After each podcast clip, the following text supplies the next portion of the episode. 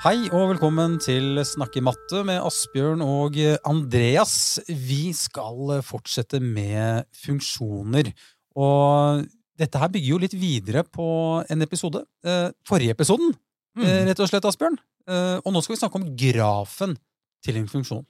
Ja, og det, det gleder jeg meg til. Og ikke sant? Vi, vi skal ta oss videre fra det vi snakket om i forrige episode, som veldig kort kanskje kan oppsummeres med at det er viktig at vi tenker nøye gjennom progresjonen som vi skal ha for elevene når de jobber med funksjoner. At vi ikke må slenge alt midt i trynet på dem helt fra starten av, men at vi liksom må tenke om hvordan kan vi bygge opp dette, sånn at de gradvis utvikler varig forståelse, som er det som fører til dybdelæring. Og I forrige episode så snakket vi om funksjonsmaskiner, og hvordan det er en god introduksjon til funksjoner. Og nå skal vi bore mer i dette med grafen til en funksjon, og hvordan vi kan jobbe for at elevene på en måte skal forstå virkelig i dybden hva er egentlig en graf, og hvorfor den forståelsen er viktig for det de videre skal jobbe med eh, når det gjelder funksjoner. da. Mm. Og um, det å bruke god tid Vi snakka jo litt om det i forrige episode òg, men det å liksom bruke god tid nå Nå har vi liksom satt av en hel episode til grafen til en funksjon. Mm. Hva er egentlig grunnen til at vi gjør det? Jeg, sa, jeg- sa det kanskje akkurat. Ja, altså, altså jeg mener jo det er veldig viktig nettopp det at disse ulike representasjonene til funksjoner ikke sant? Vi har beskrivelse med ord, vi har praktisk situasjon, vi har funksjonsuttrykk, verditabell, grafen til en funksjon. Mange ulike måter å representere eller vise fram en funksjon på.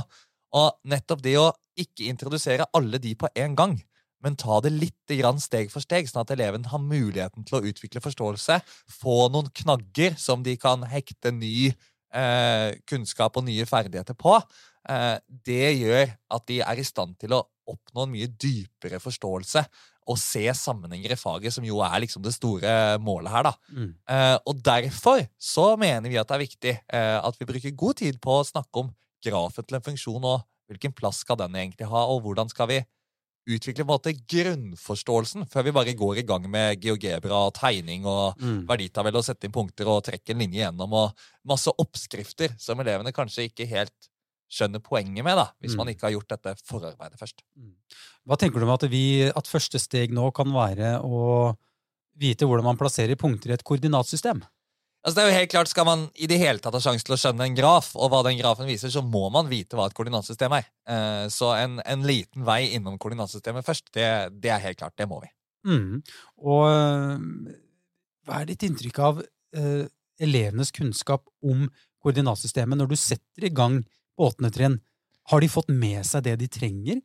Det er veldig variabelt, men ofte er det sånn at ganske mange catcher det veldig fort. De må bare ha en rask sånn oppfriskning. De har noe her fra mellomtrinnet. Eh, men noen trenger likevel mengdetrening, ikke sant? Og da tenker jeg at eh, det å bare ha oppgaver hva er koordinatet til dette punktet, er eh, dørgende kjedelig. Eh, så dette er jo et egnet sted for å bruke spill, for Mm. eksempel, til å gi mengdetrening på avlesning av koordinater. Mm. Som ikke er noe man trenger å bruke veldig mye tid på, men litt tid, sånn at vi er helt sikre på at elevene er med på x-koordinat, y-koordinat, hvordan leser vi av koordinater i koordinatsystemet. Mm.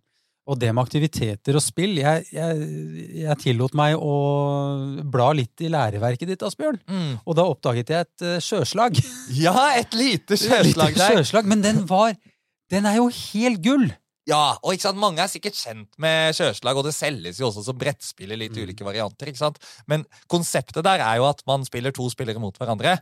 Og så hvis jeg hadde spilt mot deg, Andrea, så plasserer vi først hver våre skip eh, eh, i et koordinatsystem, altså båter, eh, som skal senkes, og vi på en måte skyter kanonkuler på hverandre og sier liksom ja, jeg skyter koordinater 4-3, og hvis du hadde en båt der, ja, så synker båten din. Og så er det målet å få den andre sine båter til å synke først. da. Så Det er basically krig eh, på sjøen, eller et eh, sjøslag. Og Det gir deg jo mengdetrening hele tiden på koordinatene. Du må lese opp koordinater. eh, Du må igjen avlese. Har jeg en båt der, eller har jeg ikke? Eh, svare, og så skyter du kanonkuler tilbake til meg, og så går det sånn pingpong til en har klart å skyte ned eh, alle de andre båtene. Mulig at dette er veldig logisk, det jeg skal si nå, men jeg tenker jo at eh, hvis man gjør det Lager en liten aktivitet ut av det, et spill, så er det mye mer motiverende framfor å bare skulle lete etter koordinatene. Ja, absolutt. Og ikke sant? Det, dette kan alle være med på. De syns det er ganske ålreit. De spurte jo, de elevene mine sist jeg gjorde dette, spurte jo kan vi spille sjøslag igjen, liksom, Asbjørn. Og noen elever kan ha det som en pauseaktivitet. Da blir det en pauseaktivitet med litt mening, hvis noen trenger liksom ha et lite avbrekk eh, fra ellers eh, teoritung mattetime en gang, for eksempel. Mm. Og eh, da kommer vi jo til dette her med å tegne grafen til en funksjon, som både kan gjøres på papir, og det kan gjøres i GeoGebra. Ja, absolutt. Eh, og vi skal vel komme inn på begge deler nå. Ja, det skal vi. Og jeg tenkte på um, Finnes det liksom en aktivitet uh, hvor elevene selv kan være med liksom, å legge premissene for oppgaven? Mm. Jeg tror det er veldig, veldig viktig uh, at vi liksom uh, prøver å gi elevene en slags dypere forståelse av hva er egentlig en graf. Og den aktiviteten vi skal snakke om nå, den skal prøve å gi elevene den forståelsen. Og, og i denne aktiviteten så ville jeg delt klassen min i grupper. Eh, kanskje tre-fire personer i hver gruppe på denne, denne aktiviteten. Og så Enten så er det sånn at jeg deler ut på en måte et sted eh, til hver gruppe, eller så får de velge et sted selv og på en måte holde det hemmelig. Eh, og Da kan f.eks. én gruppe velge matbutikken, den lokale matbutikken. Én får kanskje på skolen de går på. Én får kanskje på fotballbanen. Én får kanskje på et sånn, mer sånn offentlig sted, som på flyplassen på Gardermoen, eller eh, eller en togstasjon i nærheten, eller, eller hva det måtte være. da. Det kan egentlig være hvor som helst, så lenge det er et eller annet definert sted. Eh, og det er utgangspunktet. Og så skal elevene altså gjette på hvor mange personer tror de det kommer til å være på dette stedet i løpet av et døgn, på ulike tidspunkt. Mm. Um, og det, det er liksom utgangspunktet her. Og da skal de først fylle ut en verditabell, som altså er måte, mange eksempler eh, på koordinater, der du har eh, X-verdier, som er klokkeslettene eh, gjennom døgnet. Og så har du Y-verdier, som er liksom funksjonsverdiene. Hvor mange personer er det på dette stedet på det gitte klokkeslettet? For eksempel klokka fire på, på ettermiddagen. Eh, og så gjør de det for hele døgnet. Og så skal de etterpå plotte disse punktene de da får, eh, inn i et koordinatsystem, og så trekke en kurve gjennom de, Mm. og da har de fått en graf. Hvordan kommer de frem til antall øh, mennesker? Er det gode anslag her? Eh, Pleier det å være det? Det varierer jo. Eh, og det er jo noe av det fine med aktiviteten. At man får veldig mange gode diskusjoner om Ja. også estimering. ikke sant? Ja, hvor, hvor mange personer er det egentlig på Gardermoen?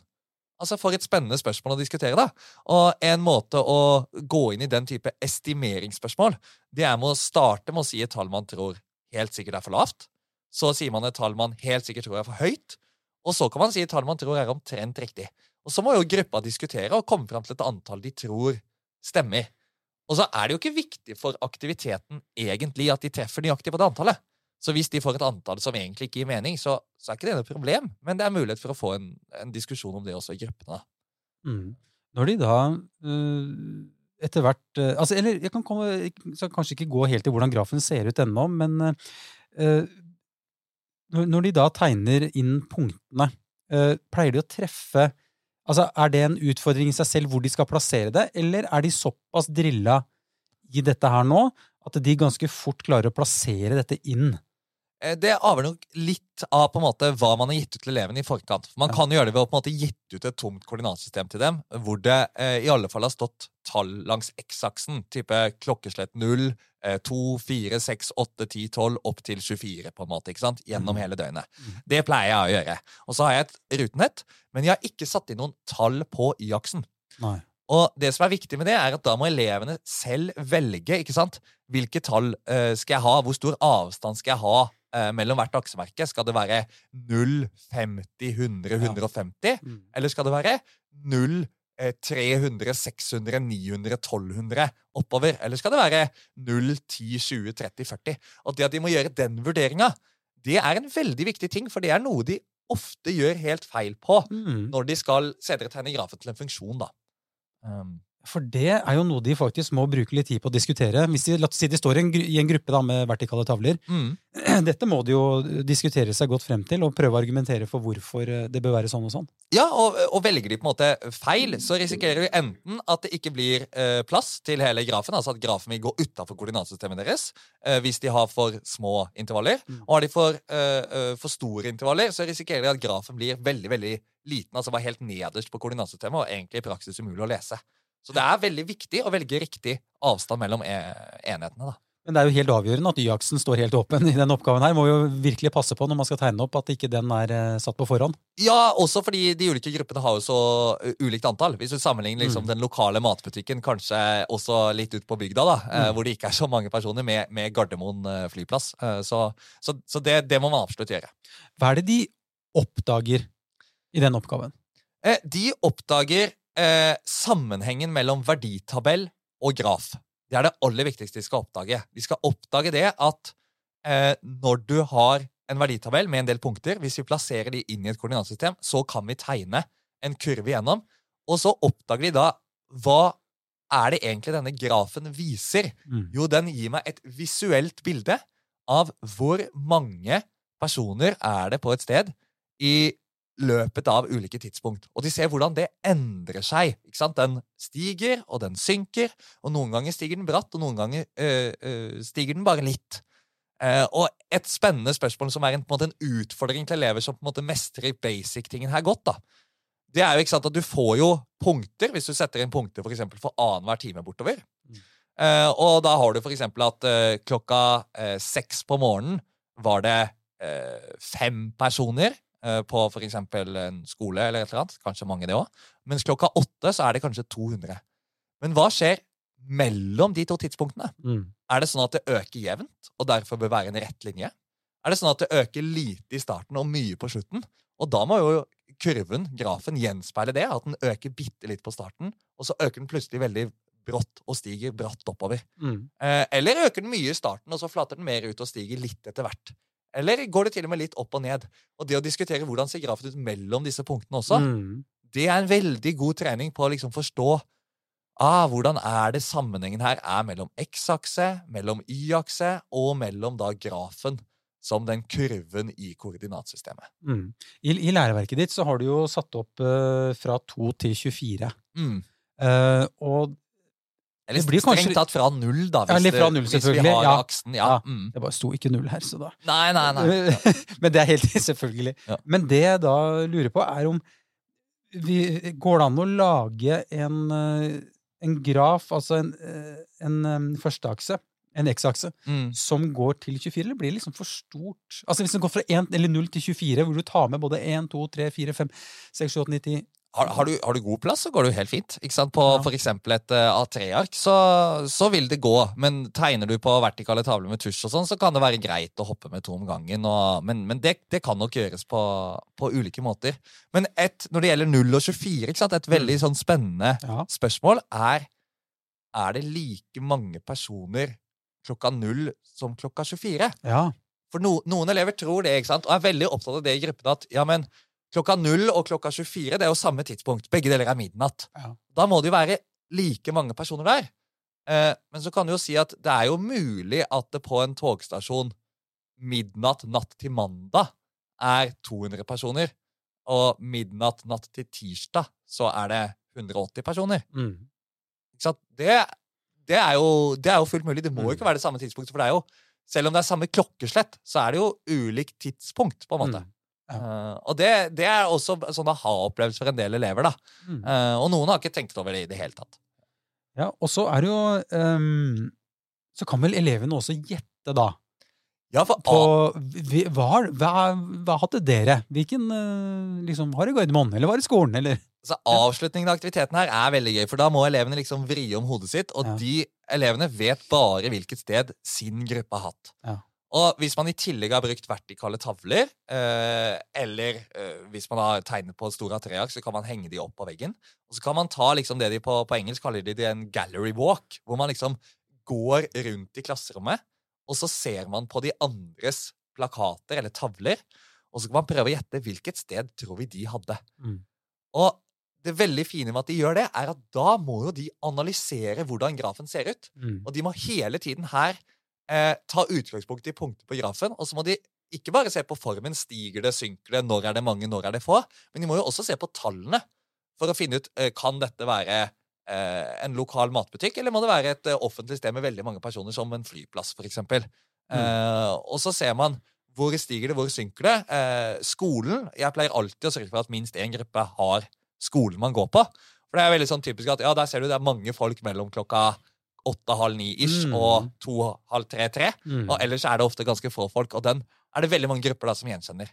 Og så pleier jeg da liksom la elevene for eksempel få fem-seks minutter da til å gå rundt i klasserommet, se, diskutere. Hva, hva tror vi de andre gruppene har tatt? Og så samler vi oss og tar vi en klassesamtale om det. Eller vi kanskje lager sånn rotasjons- stasjonsundervisning nesten. Nå går alle til én tavle, så starter man der. Så man prøve å finne ut hva det er, og så to minutter så klapper vi hendene, og så går de videre til neste. Mm. Skal prøve å finne ut hva som er der, hvis man vil styre det litt mer. Pleier det å være en, til slutt en slags enighet om hva det må være, eller, eller oppstår det diskusjoner? At det er liksom tight mellom noen av eh, stedene? På, på noen så er det, altså på noen grupper så pleier det å være ganske tydelig. Der pleier alle Ja. gruppene å være enige. Ja. Og på uh, noen andre så uh, hender det at for eksempel hvis jeg har hatt fem grupper i klassen, at eh, ingen av gruppene, altså de fire andre gruppene, ingen av de har kommet fram til riktig svar. På en måte da.